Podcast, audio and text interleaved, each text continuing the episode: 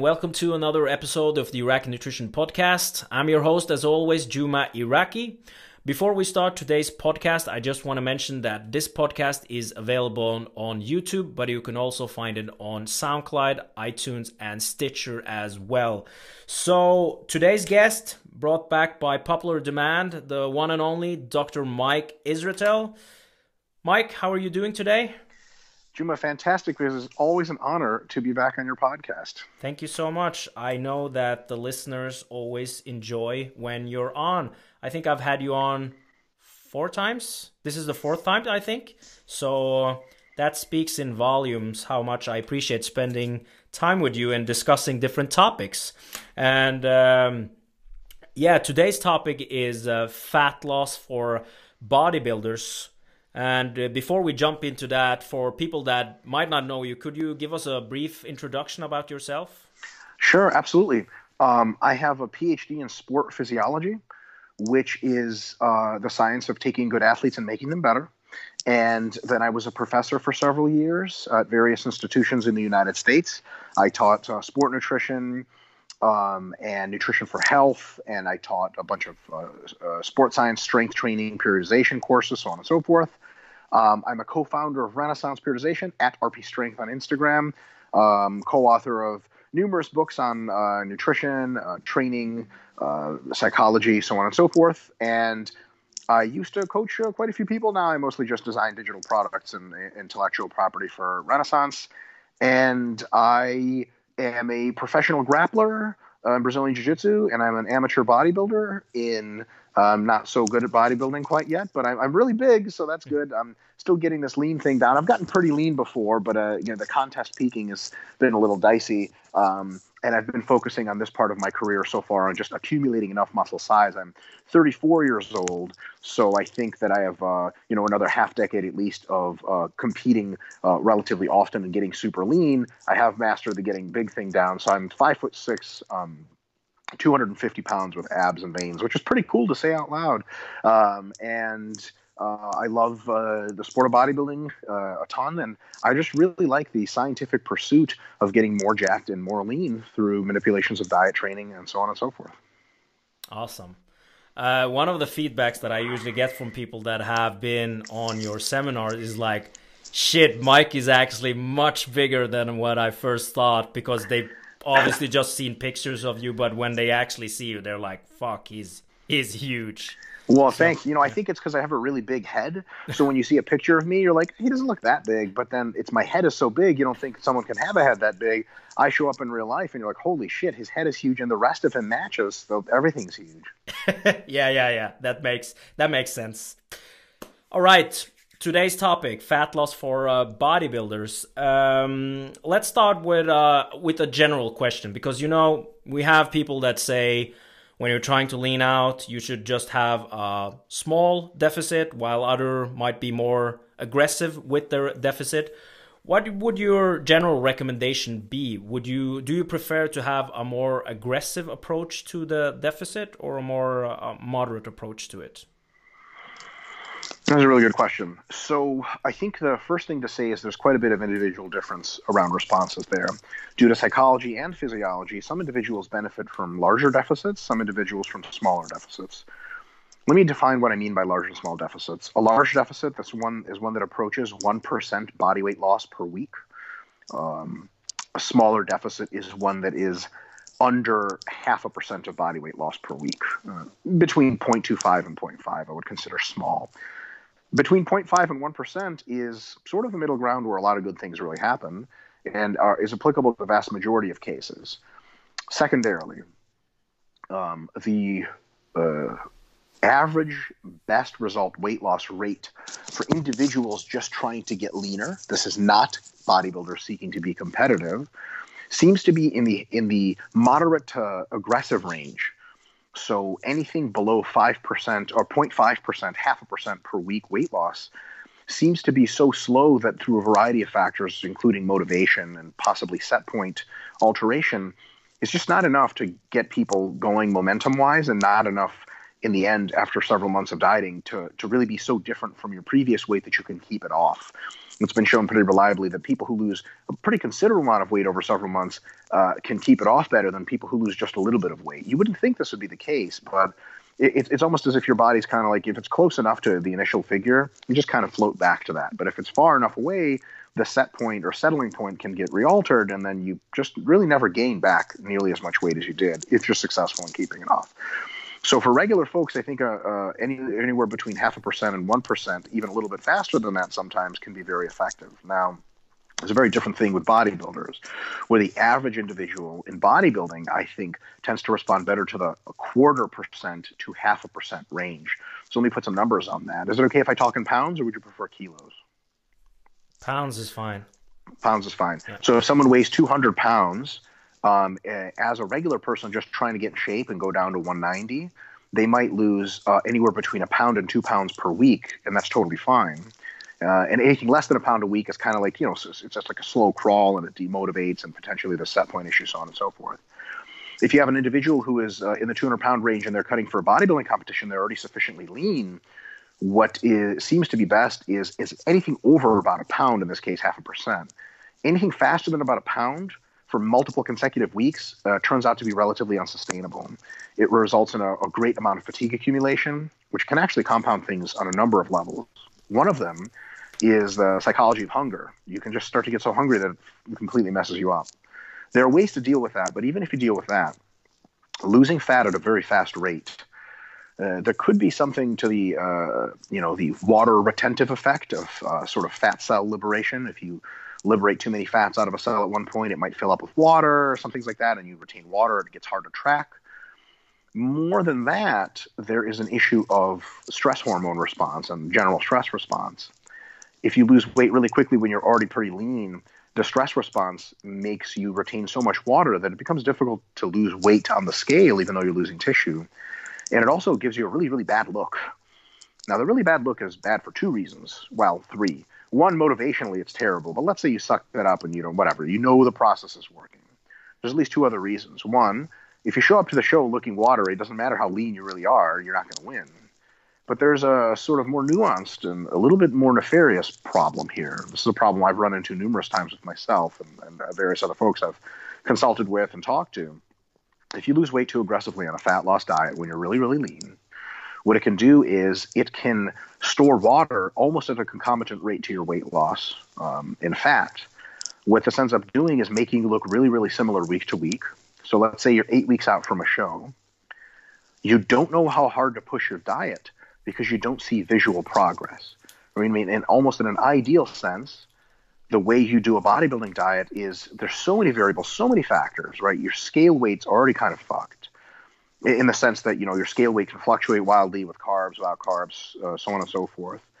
And at some point, the scale weight doesn't even matter, right? Because it's like, like you're not trying to get to 190 pounds, you're trying to get to stage lean how do you know when you're stage lean? Well, you can see it every week, right? Like you're like, okay, my serratus has started coming in. This is good. Okay, my glutes are coming in. And you can, like, if you're getting super lean super fast and there's still like 10 weeks out, you can sort of dial it back, reintroduce more carbohydrates, fill up a little bit, reduce fatigue, and then you can accelerate it further when you need to. And if you're behind, then you can accelerate the diet really, you know, considerably eh, eh, as, as far as generating more of a deficit based on visual cues. The thing is, if your stress response is high enough for dropping weight too fast, the visual cues are basically gone or they're highly, highly muted. So the sort of usual response is to crank the diet even lower, which uh, you're saying, okay, I don't look lean enough. I need to go even lower in calories, more cardio, which causes a higher stress response, which causes nothing to happen. And then you get to a week before the show if everything goes super well for you, you reduce a shitload of stress the week before the show, your physique dries out completely, and you look miraculous. I've had that happen for a photo shoot at least once before. It's not usually that good. What usually ends up happening is you over diet and you lose some muscle because you're chasing this this wild conditioning you can't see, or you're still holding a significant amount of water through that stress response through to the show and, and in the show. And then a week after you look incredible. Like you eat a bunch of carbs you finally get some sleep you relax you wake up on a tuesday after the show and you're shredded and full and you're like god damn it. Right? And that's happened to me numerous times so i think there's a really good argument to be made uh, that once you get to within competition lean area, and I can be more specific if you'd like on what I mean by that, it's a good idea to go slowly and sort of just inch in, tippy toe into that conditioning because it's a very disruptible system at that point. You don't want to mess up the disruptible system. You just want to get a little leaner, a little leaner, a little leaner, and all of a sudden you're there. Would you like? Can I clarify what I mean by sort of within bodybuilding level of conditioning? Yeah, absolutely. But before you do that, could you just adjust your mic a bit because there's some scratching sound coming from it? Sorry. Yeah, no worries. Fuck. Let me know if that keeps. Sorry. Uh, change of position here. Let me know if that continues to occur. Unfortunately, yeah. I have to shave at some point. yeah, um, no worries. That sound okay? Yeah, it's better now. I'll let you know if it comes back up. But I think it's better if you put it there, yeah. There better? is better. There is better. Yeah. Okay, great. Yeah. So basically, I, I, am a very, very big believer in the following thing. And a lot of folks have come around to this. This is not my invention, but it's an idea I sort of rediscovered independently. Um, bodybuilding diet, to me, and we'll use males as an example, these numbers concomitantly exist for females a bodybuilding diet to me does not begin until you descend below 10% body fat, roughly. The bodybuilding diet itself, the show diet, the contest diet, is when you get from 10% to you know anywhere between three and six percent or two and six percent whatever you know measurements break down at that point um, wherever it is that you're is it still scratching a bit but it's it's better than it was fuck i hate it i could i could i could put you on speaker it might be lower sound quality but there'll be no scratching no, it's fine. Let's just let's just continue. I think it's okay. okay. Yeah. Okay. So basically, um, the show diet is from ten percent to let's say three percent. But people don't always start the show diet at ten percent. They might start it at fifteen percent or twelve percent. The thing is, there's a huge need, I think, for a double pump approach to getting in shape for bodybuilding. If you are above 10% fat, you need a diet to get you to 10% fat and then a maintenance phase of at least a month, probably more like two or three, to keep you at 10%, let all of the homeostatic regulators get back into balance, and then start your slow and steady bodybuilding diet to get to your show condition. If you are already at 10%, you don't have to do that second phase or that first phase. But if you're at you know 20% or 15%, you have to do at least one diet, possibly more, to even get into bodybuilding shape. So when the question of eh, comes up of how fast should I lose the weight, well, to get to 10%, you can go up to 1% body weight per week and be just fine. When you get below 10%, eh, you have to have that maintenance phase there to reduce diet fatigue first. And then when you start your actual diet, there should be that very slow approach which allows you to eat more food, which allows your training quality to better, which allows your stress hormones to be lower, uh, and allows for a less risk of muscle loss. And then I think everything goes super well. Awesome. Now, um, another topic that um, that's interesting when we, we consider being in a deficit and being that for an extended period of time is what do you actually do with your training? How did you adjust your intensity and volume as fatigue starts to accumulate in your body? Should you cut back on the training that you do, or would you then risk losing muscle mass because you're actually doing less work than what you're used to? Mm-hmm. So this can uh, get a very interesting discussion, and I think the volume landmarks come in really handy for this discussion maintenance volume, minimum effective volume, and maximum recoverable volume per, per in particular. What we see with the introduction of a deficit is that your uh, the amount of anabolic activity that has to balance out the increased catabolism has to be elevated through training. So the minimum effective volume, the amount of volume it takes to grow muscle, goes up. But let's say we're talking about advanced athletes who no longer grow muscle in a show prep the maintenance volume goes up just the same. So the amount of training you have to do just to maintain your size goes up, and it actually increases throughout the entire deficit, or so throughout the entire diet. As one of two things happen, and both usually happen, the deficit increases in magnitude, and or the deficit is held for a longer and longer duration. So diet fatigue tends to sum up over that time. So basically, your maintenance volume slowly, slowly but steadily floats up the entire time. So what you don't want to do is start training at the maintenance volume that is uh, your maintenance volume isocalorically. Let's say six sets per body part per week. It's very low, uh, and keep training that little throughout the entire deficit because at some point your maintenance volume will pass that number and you'll start losing muscle for sure. Now, on the other hand, let's not get too so so so the the first conclusion is that oh training volume should increase through a, a, a prep. Well, hold on a sec. Uh, there's another thing that maximum recoverable volume in, in a, in, a, way that's much easier to understand even than the increase in maintenance volume and minimum effective you know your recovery resources are very very much lower during a deficit and get progressively lower as you cut more calories or the fatigue of a deficit continues to last longer and longer so then what we have there is that while your maintenance volume and minimum effective volume are creeping up your maximum recoverable volume creeps down right it's your ability to recover reduces over time so what that really means is your band between your maintenance volume and maximum recoverable where you could theoretically train starts to close. Now, hopefully, it never closes completely because then you're kind of like just losing muscle, right? Uh, and, and, for most bodybuilders, it won't, or it'll close like two weeks out before the show, and then you know who cares? How much muscle can you really lose then? Um, but because it closes, we can say a couple of really interesting things. One, rule number one: you're not going to train as low in training volume as you could get away with during an, uh, a hypercaloric diet or an isocaloric diet uh, you're not going to train like that in your contest prep. You're not. You're. You're going to avoid excessively low training volumes.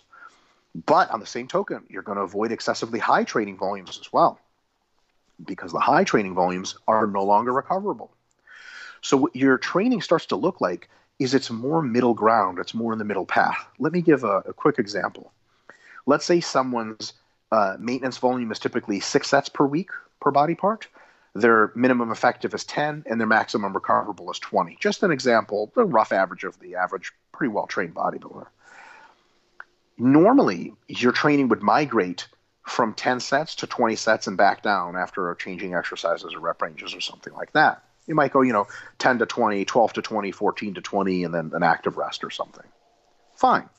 The thing is, as you go into a deficit, your maximum recoverable volume stops being 20 it might go from 20 a couple weeks later it's 19 a couple weeks later it's 18 so on and so forth also your maintenance volume and minimum effective volume and you want to be you know minimum effective at least as long as you can build a little muscle into the show they start creeping up they're no longer 10 and 6 they might be 12 and 8 so on and so forth so what ends up happening is over time you know, when you're periodizing volume in each mesocycle, each successive mesocycle is going to have less ramping of volume. Let me give you an example.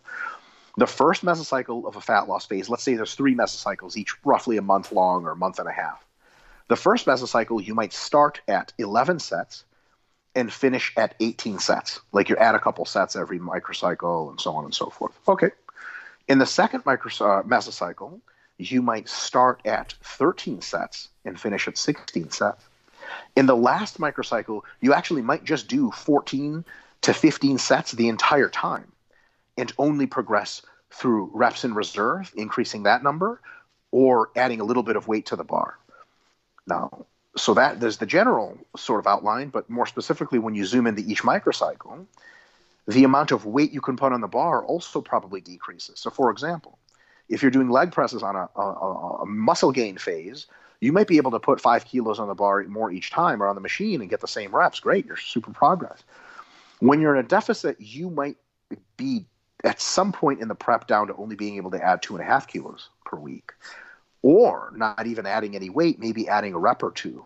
In very advanced diets, you might be down towards the end of prep where you're not even adding any weight or reps um, definitely not adding sets at that point, you might just be conserving them, right? So you're just doing similar workouts that just take you to your best ability to perform. You're trying to just equalize the performance from last week. And then lastly, especially as glycogen depletion starts to occur and it can't be repleted because the diet is insufficient, you might be in a situation where you're unable to even sustain performance, at that point the goal becomes to lose as little of it as possible. Does that make sense? Absolutely. So so so that's kind of like from a volume perspective, from an intensity perspective, and a repetitions perspective. Uh, I would say that's how you kind of uh, view the expected landscape for prep. And each of your prep might go worse or might go better, right? You might start losing strength like two months, you know, month in and lose it for for two, for eight or eight weeks, or you might, you know, actually increase performance and maybe stabilize towards the end. Um, and, and I think I think that uh, those are basically the landmarks. Now, now, so uh, one more quick addition. There is a pretty decent chance that set for set um, or oh, let's put it this way rep for rep, heavier loads might be better for long term hypertrophy additions. Maybe because they hypertrophy the faster twitch fiber, so on and so forth. Heavier training probably has a really good place uh, in general training for muscle size. The thing is, it's it's very very clear that the the critical variable for hypertrophy is volume, and intensity is very much a secondary variable. So when you know that, you also know that within a very tightly controlled space of fatigue, like fatigue is constricting your ability to perform, and you now have a choice. Do I want to maximize my volume at the expense of intensity or maximize intensity at the expense of volume? Current theory and literature would suggest it's probably better to potentially train with slightly higher repetitions uh, during contest prep, especially towards the end, on average, right? That doesn't mean that like you go to just sets of 15 all the time. It means like through the rep ranges that you work, you might do a few less sets of six and more sets of eight, something like that, right? A few less sets of 12, more sets of 15, something like that. Um, that might allow you to still get in just the same amount of volume, but at the sacrifice of intensity. Now, does that mean? And here's another really cool cool reason why that might be the case. Your work capacity, uh, you, you, know, you're doing cardio coming into a show. You're losing fat. Um, there's some vascularization going on. Your work capacity is probably improving pretty decently through most of your prep. You know, like when you're um, in a full mass gain mode, three by ten in the squat, and you're like throwing up for an hour and you can't feel your legs. But like in prep, or in a really deep cut, you do three by ten and you like breathe hard 30 seconds after and you're like, eh. and they're like, do you have a pump? And you're like, no, but I can keep doing this if you want. It's not that hard. I think your work capacity tends to increase through part of the cardio and fat loss. So it might be a good idea from that perspective that you just won't perform very highly in strength so why would you put your overload in that field? So versus adding more weight to the bar, maybe it's a little bit smarter to add more reps or to train in a higher average rep range. Now that last part is very very hypothetical, but uh, because you know this podcast is designed not just as a review of the literature with no implications it's a little bit more of like what you know sort of my opinion is given the state of the literature um, where i think the directions are and i think that there's a potential direction interestingly enough that's probably the consensus view among most bodybuilders is that as contest gets closer, you do higher reps. Now, people have said all kinds burns more fat, etches in the striations. It's fucking stupid. That's all wrong, right? But just because people have poor def- uh, justifications for what they're doing, it's by no means clear that what they're doing isn't working. Um, so, you know, I think it might be a good idea. It, it, here's another reason. As you approach uh, the competition, your joints are just not going to be the same, drug free or not, uh, as they were when you had nice padding around them, so on and so forth. Higher repetitions offer a lower chance of injury with the same anabolic potential as heavier weights. So maybe it's another good idea to use lighter weights to make sure that you can get the volumes in without getting hurt. I sure as hell don't want to put on my 5RM bench press when I'm three weeks out of a contest. But my 15RM bench press I can do for multiple sets and get the same hypertrophy benefit. Again, is that a good long term strategy? Probably not. You probably need to work through a spectrum of ranges long term, and a heavy training is probably good. But it, coming up to a show, the closer you are to a show, I think the more metabolite style, lighter training uh, the, for higher volumes that you could do. Um, and I think that makes sense. Yeah, I think so too. And that was actually my follow up question that you typically see that bodybuilders have a tendency to switch over to higher repetition training and they justify that with saying it burns more fat but like most things that you often see in bodybuilding it does make sense, but the explanation they have or the justification they have for the things that they do isn't really uh, that that well. It's exactly. same thing with with switching over to lean fish as you approach your diet. Sure. Caloric adjustment, but they would say it thins the skin, which is sure. which is basically bullshit. Uh, uh, yeah, great. Uh, let's move on to um, back to some recommendations for for the nutrition part. So usually people diet for extended period of time, especially when they're dieting for a, for a contest prep. Would you say that there should be uh, limitations for how long a diet should be before you do some sort of a diet break, or do you think that that doesn't really necessarily have any benefits to do that? Yeah, absolutely. Um, I'm going to preface this by saying there are some things that hardened competitors can get away with because they are selected. There's a selection, a survivorship bias. That the only reason they're hardened competitors is because they've survived everything else and they just have a better tolerance for this kind of shit. I know people that have dieted for seven months straight have no psychological problems whatsoever. It's just they're like machines. Mm-hmm. It doesn't mean it's a good recommendation for everybody. So I'll say this: I think that unless you're really lean already, and you shouldn't be walking below around below 10% usually. So this shouldn't apply to people. And unless you get lean super fast, a bodybuilding show diet, just from normal conditions, not like, oh, I just competed and I'm just dieting again, from a normal walking around weight shouldn't take any less than eight weeks as, as a pretty extreme minimum. Some people are like, "Oh, I've got a show in six weeks. I'm just going to diet down." Like you're going to kill yourself trying to down, diet down for that show, right? I mean, think about it: six weeks and you're at 10% body fat. That's a percent fat every week. That's insane, right? That's just this is not going to happen, and the fatigue is going to be insane. And we're going to, you know, all the fatigue problems and water retention and stuff that I cited earlier would probably uh, just be insurmountable. On the other hand, if you diet for too long, it doesn't matter how conservative the deficit is, the diet fatigue eventually catches up. Specifically, the psychological fatigue is really, really nasty. Uh, I've made a point of this before on several podcasts, but I've done so many fucking podcasts now. Who the fuck knows when I said it? Um, uh, there is a psychological cost. Um, and actually, a uh, RP Diet book is going to be coming out in uh, about a month here, and it, it covers this very well.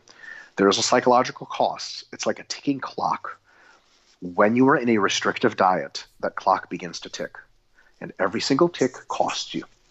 It's not a time bomb because nothing happens at the end. It's kind of like a better analogy is kind of like a fire.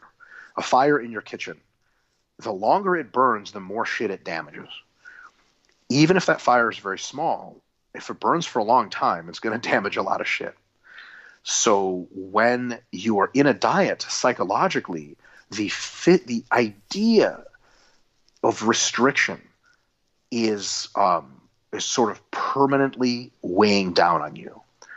It's almost like this is a real terrible analogy. This is from Star Wars. So, um, uh, you know, Anakin Skywalker in the Clone Wars was. Uh, I know you you hate Star Wars, right? Yeah, yeah. So don't don't ask me about these things. Great. so Anakin Skywalker was enslaved on a planet once and it was part of a covert mission. He could have gotten away anytime he wanted, but he like grew up a slave, and then he had to be enslaved as an adult as like a co-op mission. And he got to be pretty close with the the the woman that was his slave master, and you know she would be like, "Oh, you know, isn't it a beautiful day?" This and that, and try to get him to enjoy things. But sort of as he pointed out to her very slyly, how could he ever fully enjoy something when he's really a slave? And it doesn't matter how nice the day is, doesn't matter how good the food tastes he still doesn't have his freedom, right? So, in a similar way, when people diet restrictively for a long time, I don't give a shit how much you can fit into your macros. If you have to think about fitting your macros, you're already a slave. Does that make sense? Like in some grand context. Also, because it's a bodybuilding show, everything you put into your body, there's a sense of impending um, causality there. There's a sense that look, I, I, can choose to eat this cracker and it's within my macros. Ooh, but if I put it away, maybe I'll get leaner faster. Maybe I'll do better in my show it's a weighty thing. It's tough to sustain in the long term. And of course, the physiological stuff is also tough to sustain, increasing uh, fatigue, so on and so forth, hunger, which leads me to believe that diets over 16 weeks long, they can work it's just real. It's like the percent of people they work for starts dropping off a lot. Uh, at Renaissance Periodization for our regular folks, we recommend diets between 8 and 12 weeks long and then a diet break after. Competitors can go 8 to 16 weeks, and eight's really short. Uh, sort of the optimum length of a competition diet, I think, is 12 to 16 weeks. That is from that 10% range down to that stage weight range. Right now, you ask about diet breaks.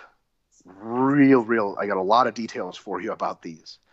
So, diet breaks are excellent, but you have to ask what it is they're trying to achieve and what the conditions are for that. I'll bring back the fire analogy when you are sub 10% fat, if you are at, say, 7% fat, you decided to diet for two months from 10% and you got to 7%. You want to take a month of diet break, and then you're going to go from 7% to 3% and you're going to compete. Now, hold on a second. We know pretty well, and this has been corroborated with a bunch of case studies, hormone data. On average, when, when a person is below 10%, uh, things are not right. Your um, testosterone levels are not optimized. Your estrogen gets wacky. Cortisol gets wacky. Everything's bad news. You kind of slowly accumulate fatigue just by being alive that lean. Um, and you definitely risk muscle loss in a very serious, serious way. And because staying that lean requires such a low consumption of food, and being that lean requires such a restrictive lifestyle, psychologically and and hunger wise, a break at seven percent fat is really not a break. So it's kind of like this. If you see someone who's tied up on a chair or something, I don't know, bad guys got him, and he's next to a fire, like next to a furnace, and he's like, "Oh my god, get me the fuck out of here! I'm burning alive." You don't move him from two feet away to four feet away and be like, hey, I'm going to go save the other hostages. Be like, I'm still burning, but just slower. a real break is moving him outside of the you know the square law of heat dissipation 16 feet away where everything is normal that 16 feet away the place where the furnace isn't burning you anymore that's 10% plus on average for males in bodybuilding and 15% plus for females just to throw that in there so when people talk about diet breaks, it's important that we understand that diet breaks are not supposed to be taken in that 10 to 3% range. So it, it's almost kind of like like a like a like a, not a horror movie but like a shoot 'em up a like space military movie it's like as soon as you get like a mine shaft infected with psycho aliens and you got to rescue hostages once you click your gun and you go into the shaft it's get the hostages and get the fuck out. There's no breaks. There's no, you know, you know what I mean. There's no time for like, oh, let's plot our course. There's aliens everywhere. It's bad news. Get in, get out. And it, you got to go all the way down to the bottom of the shaft and get everyone out. When you come back up, you know, great. You can hide behind a rock. The aliens can't see you. You can get, you know, a spaceship to come pick you up. It's all good, but you can't take breaks in the shaft. Same way between 10% and 3%. Once you get, once you start contest prep formally drop to 10% or below, you got to finish the fucking diet. But the good news is 12 to 16 weeks is more than enough time to finish that diet, no problem. We just want to be clear where diet breaks should be taken. Diet breaks should be taken at 10% or above. So, a perfect example of how to take diet breaks you spend uh, 12 weeks losing from 15% fat to 10% fat. Then you take a diet break for several months uh, at 10% fat maintain that, and then you do another 12 to 16 weeks going from 10% to 3%. So that's my thing on diet breaks. And as far as diet breaks, I think diet breaks, uh, the duration needs to be high enough to adequately deal with the psycho and physiological perturbations that occur with dieting. That is not a meal. It is not a day. It is not a week. It is months, plural. I think at RPs, we sur- sur- uh, sort surveyed the literature, whatever there is of it, surveyed a shitload of our clients and average experiences. We've come to the conclusion that a diet break for regular folks should be at least two thirds as long as the hypocaloric diet that preceded it. So if you diet for 12 weeks and lose weight, your diet break should be at least eight weeks long. For our clients that have trouble losing fat and keeping it off, we actually say it's a one to one ratio. If you diet for 12 weeks, you you got to maintain for 12 weeks. Um, can hardened competitors just do a month after 12 weeks, like a one to three ratio? Yeah, maybe. But I'll tell you this if you think you might be diet fatigued, longer maintenance, it's better because it's 50 times better to take a couple weeks extra at maintenance, really recover, really heal, and then have a great show diet versus taking almost enough time and sort of running out of the out, out of bullets at the bottom of the mine shaft, right? You don't want to be at three weeks before your show and you're like, I could use a diet break. Too late, motherfucker. There's just no way out, right? The diet break would have to start now, and you would have to cancel your show prep. Does that make sense? Absolutely, absolutely. Just to follow up on one question regarding the diet break. So, my understanding is that you recommend longer diet breaks, which are over several months. How would you adjust the the calories going from a deficit and like what what do you actually Easy. do with the with the calories? Sure. Sure, no problem. So I think a really good um, algorithmic approach, the only kind I care about, right, um, is to take the predicted maintenance calories that you should have at that body weight. So let's say you're down to 10%, right? Mm-hmm. And you want to find out what calories to do to maintain your weight. You take two numbers. You take your current calories that you're eating, because you are generating a deficit, it's going to be pretty low. Then you take the calories predicted maintenance at that body weight at 10% fat. So maybe let's say 2,500 calories is the where you are at the end of the diet, and 3,000 is where you should be hypothetically. What you're going to do is you're going to cut right to the middle of that 2750 and you're going to start eating 2750. Then you're going to watch your body weight, and if it keeps going down, you eat more calories, which it usually will as your metabolism speeds up.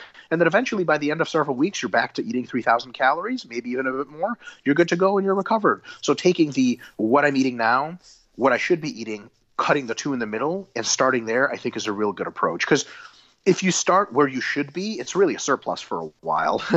uh, and if you just stop the diet and stay at 2,500, that's still a crazy ass deficit. And you're just going to have to keep ramping calories super fast. There's nothing wrong with that, but your diet basically lasts an extra two or three weeks after you think you're done. It ends up being reverse dieting. Uh, it, reverse dieting in the sort of classic sense of uh, making the deficit smaller. I think as soon as you're done dieting, the deficit has to go away, and that middle number is that approximately where your isocaloric current values would be. Yeah, that makes uh, makes sense. And what should you expect from like regarding weight gain? Craziness.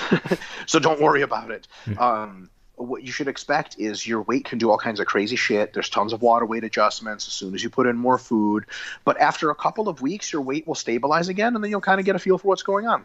And because you were following the numbers, there's really not where anywhere you can err. I'll tell you this: if you follow this by the book approach, everything levels out in a couple of weeks. If you start cheating your ass off and go off plan and eat extra calories, yeah, you're going to have a, a bad time. Yeah, all right, let's talk about um, let's talk about cardio. Uh, a lot of bodybuilders they swear by doing low intensity, steady state cardio in a fasted state first thing in the morning. Do you think that there's anything beneficial there by doing that strategy? Yes, I think that if you do your cardio in a fed state you will lose almost the same amount of weight as you would if you did it in a fasted state, just through sheer thermodynamics, right? You're just burning calories, that's it. And if you eat the same amount of calories a day and you do the same amount of cardio, it doesn't really matter where you put the cardio. However, if you do your cardio in a fed state, some of more of the calories you burn will be incoming food versus body fat. So if we ran a study long enough on experienced enough lifters, I'm pretty confident that the fasted cardio group would do just a little bit better with losing body fat and a little bit better with retaining muscle mass because essentially they're burning less food that they're eating and putting that food more to muscle recovery and so on and so forth and uh, they're burning a slightly higher percentage of stored body fat because that's really the, mostly the only thing you're going to be burning when you're in a fast state. But I think that's a, such a moot point, such a small concern that it almost doesn't matter. What I here's what I do think matters: when you are bodybuilding, cardio, if it's steady state, low intensity, but even if it's you know low intensity for bodybuilders is like 120 beats per minute heart rate. That's not like a, a walk in the park. That's like you know a brisk walk. That tends to have two ways of reducing appetite. One it tends to reduce appetite due to a small sympathetic response from physical activity. And two it tends to reduce appetite via the distraction hypothesis which is you're doing cardio so you're not looking at food or pictures of food. I mean, some people still look at pictures of food on Instagram while doing cardio, which I think is exercise and insanity. Um, but maybe you listen to your favorite music, again, a sympathetic response. Maybe what you end up doing is uh, listening to a podcast. It just gets your mind off of it. Fasted cardio is buying non hungry time so that when you eat your meal afterwards, you buy yourself another three hours of non hungry time. So if your cardio lasts an hour, you wake up, do cardio, fasted. You get an hour of non-hungry time because you're not hungry during cardio for the aforementioned reasons. Then you eat a meal, and for three hours after the meal, you're not hungry. Sweet. You earned yourself an hour of free non-hungry time with no alteration in calories. On the other hand, if you woke up, ate, and then went to do cardio, the cardio non-hungry time gets swallowed up by the meal time. So in essence, you would actually get hungry in the same three hours that you normally would. It gets worse because remember, you burned some of the eaten food during your cardio. So potentially you could get hungry at hypothetically maybe two and a half hours. Does that make sense? So if you can do cardio fasted, you can essentially buy yourself more non-hungry time which listen coming up close to a diet at the end of a, a, show prep you want as much non-hungry time as possible because being hungry while being alive drives you nuts and it elevates your cortisol, so on and so forth, and it interferes with sleep, so on down the line. So I think for that reason, practically, if it fits your schedule, fasted cardio can be a little bit better. But fundamentally, from thermodynamic perspective, it, it matters very little. If you like doing cardio on a fed state, I think you're going to get in shape just fine, and everything will be good. Awesome. Do you think it makes any difference if you have uh, lower levels of body fat compared to higher? Due to the fact that it might be more difficult to mobilize fat if you have a lower body fat percentage? I think the lower your body fat percentage gets, the harder everything gets. Mm-hmm. So that maybe fasted cardio versus fed state cardio works a little bit better during that uh, very low body fat percentage, whereas higher one it might just not, might not matter at all, right? So um, yeah, I, I, think I think it might matter a little bit more. I, I, that's very speculative, but I think just when you know when people ask like, does you know is it harder to lose fat when you're leaner? Yes, everything's harder. mm-hmm. So I think it's even if it's just a linear relationship, the, the, the line gets higher in slope because everything gets tough. So I think um, you know the the possible confounder to that is some people get so out of energy on their show prep they need food to actually do cardio. Does that make sense? Like mm-hmm. if you don't eat food you can't even do cardio. That's pretty rare. Most people can wake up and hit the treadmill and because it's low intensity it's totally fine. Like if you're an endurance athlete you have to eat before your cardio because your cardio you have to perform. You just won't be able to perform if you don't eat. So but for bodybuilding look you can you can be completely unfed get on the elliptical and crank out 600 calories. It's not a big deal. So. Yeah. I think one of the things that I've been I think one of the things that I've been skeptical, not skeptical, but one of the limitations I think with uh, some of the studies that's come out on fasted cardio is the population it's been done on, and then you 100%. try and then you try to translate that into like muscular lean bodybuilders and give that recommendation. So I think one of the studies from from Schoenfeld was on uh, obese females, and people use that study to justify saying that fasted cardio didn't really have any uh, advantages. And maybe it's like you say that if the studies were longer, you might see a benefit. But I think also one of the things that people often talk about is the risk of losing more muscle mass when you actually do cardio in in a fasted state. Yeah. They they might have a valid point. The thing is if you reduce your muscle loss risk enough by eating food, you might reduce your fat loss risk too. Mm-hmm. So it's kind of one and the same coin, which comes back to the the hunger stuff being I think much more relevant here. Mm-hmm that being said, I think there's a good lesson to learn from studies that are on different populations. it's funny because people think that all these studies are designed to answer bodybuilding questions. A lot of them aren't.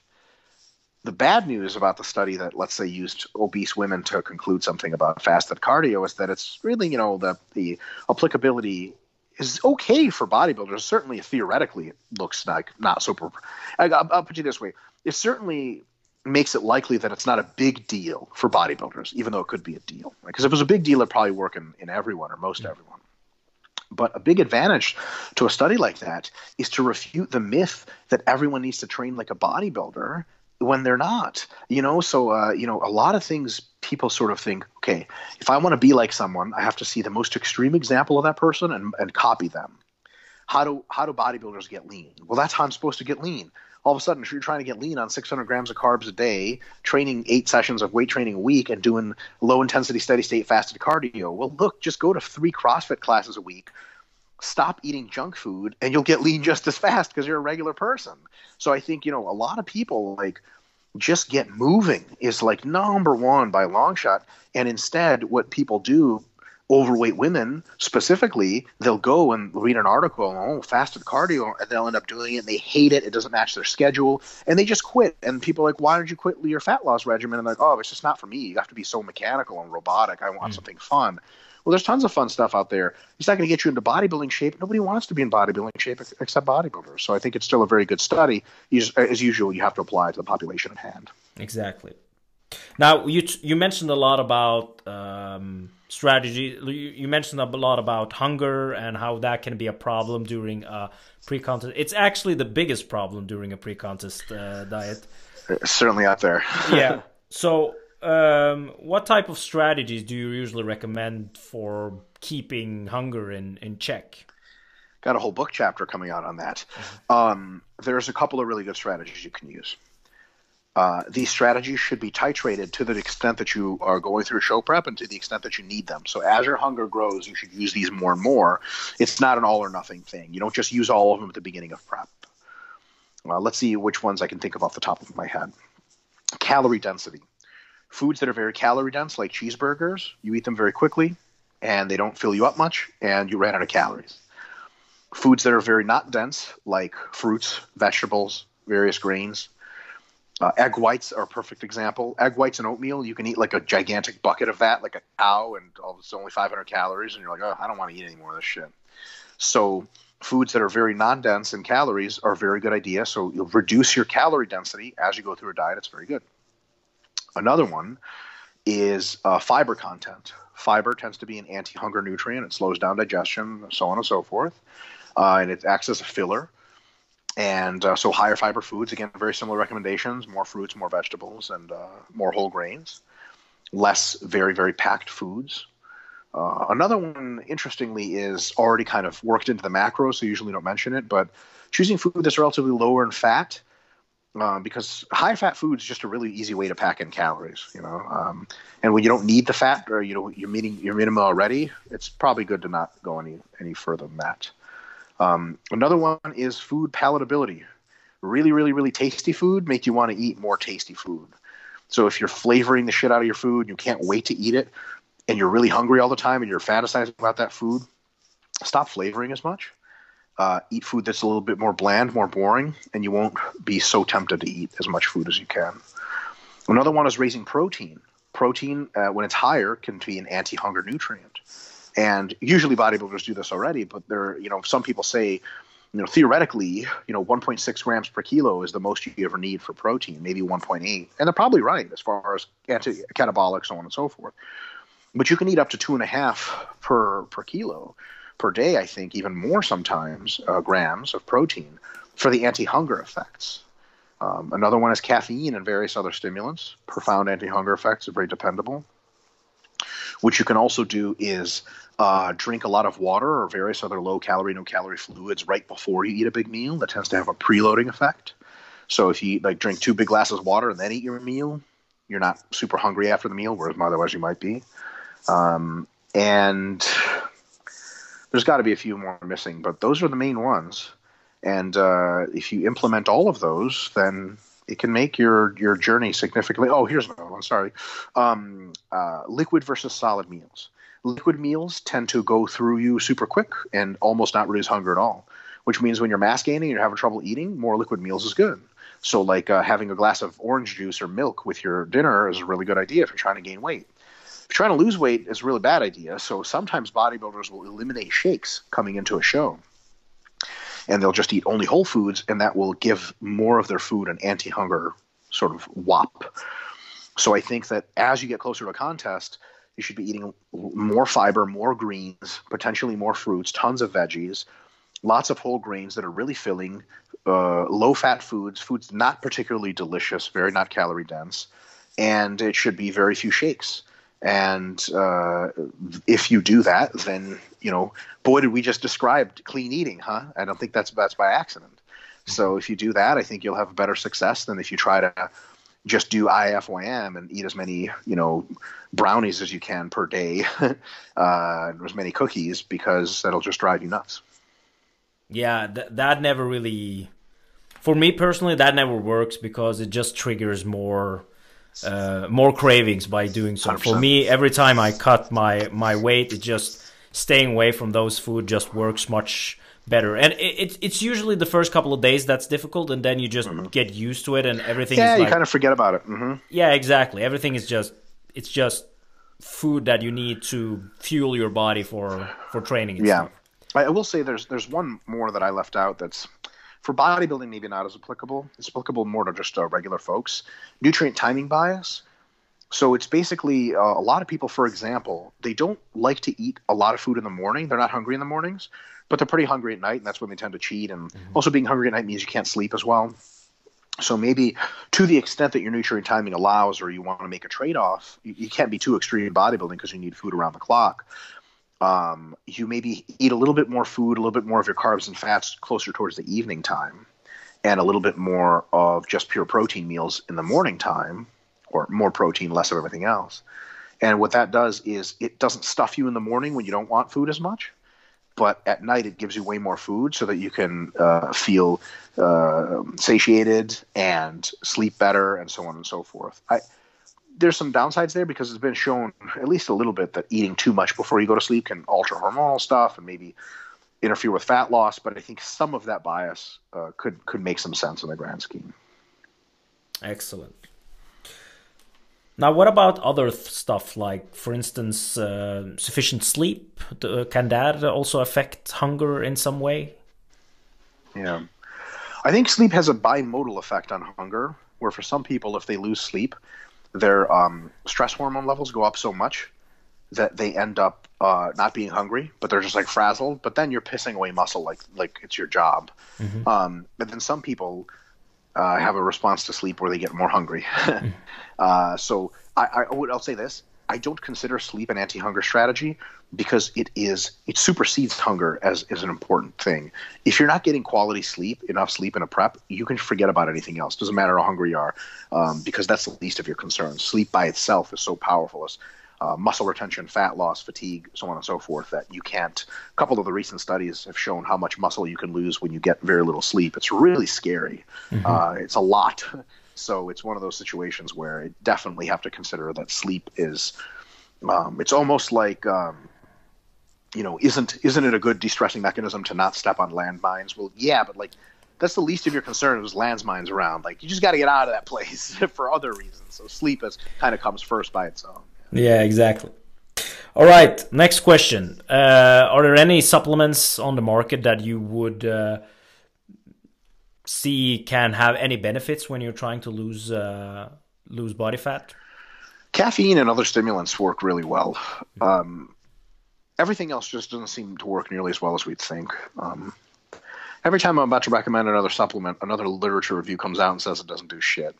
That just happened recently with um, you've probably been paying attention omega 3s mm-hmm. where last review was like, eh, they might not be as cardioprotective as we thought. And I was like, oh my god, I've been recommending them for healthy eating. And only very tentatively, but it's one of those things. Like I just don't put much stock into supplements. Um, mm-hmm. uh, the stimulants are good. Um, I'll say on the dark side of things, if you're an enhanced bodybuilder, even enhanced bodybuilders, like there's kind of a common, not joke, but kind of a common discussion among enhanced bodybuilders that guys that try to use too many supplements, too many drugs to burn fat directly end up not doing as well as guys that actually just diet and train and do cardio. You know, if supplements were really that powerful, we'd see a lot of bodybuilders just not dieting or something or not doing cardio and just just taking a pill. Just doesn't work like that. One one one that comes off the top of my head is DNP. Uh, DNP is a very powerful fat burner, but it is so fatiguing to you that you might as well just do cardio because it just it's like doing cardio all day long. And when you're lifting, you're doing cardio too. You're running a breath all the time for no goddamn reason. It's pretty dangerous if you fuck up, but it's not dangerous if you don't. So there's that. Um, but also, for a number of reasons that are rather mysterious, DNP in many people um, uh, adds a shitload of body water. Like you literally won't lose weight while you're on DNP for two weeks, and then you'll pull DNP out and you'll lose like five pounds over two days. So for that reason, DNP might have a place in the advanced bodybuilder stack when you do it like two or three months out of a show, get super duper like make super lean progress, and then pull it out, see how you look, actually how you look, and then use a more conservative diet with limited supplements coming in. So even the powerful ones like DNP, they only go so far. And there's clenbuterol and stuff, T3, they all work, but nothing really replaces. There's no golden fleece uh, of supplements that comes close to, to cardio and diet. I wish there was, but there just is not. So. Interesting. I've actually, um, I don't know if it's correct. Uh, I might be wrong, but I've actually read that DNP can increase your resting metabolic rate by as much as 30 to 40%. Yeah. Yeah. Well, that's if you take a shitload of it, but yeah. Yeah. Yeah, that's You that... don't feel well when you do that. yeah, I can imagine. That's the that's the part when they, they don't tell you. So it's kind of like you know you take the DNP so you don't have to do cardio. You just feel like you're doing cardio all the time. So you're like, fuck it, I might as well just do cardio for two hours and then feel normal the rest of the day. Yeah. Um, and it's got a half life of like 36 hours or something which means that you just feel like shit all the time. There's no like pulsatility to it once you take it twice a day or whatever. Mm-hmm. Um, it is a potentially powerful tool that can be used intelligently, but uh, probably more useful for folks trying to drop like mini cut kind of application. DNP works probably pretty, pretty well. Uh, regular fat loss in a bodybuilding phase, especially the last two we, uh, two months, uh, I don't think that's a really good time for DNP. Mm-hmm. All right, Mike, let's uh, wrap this podcast up with a take home message to, to the listeners. Don't die, don't kill anyone.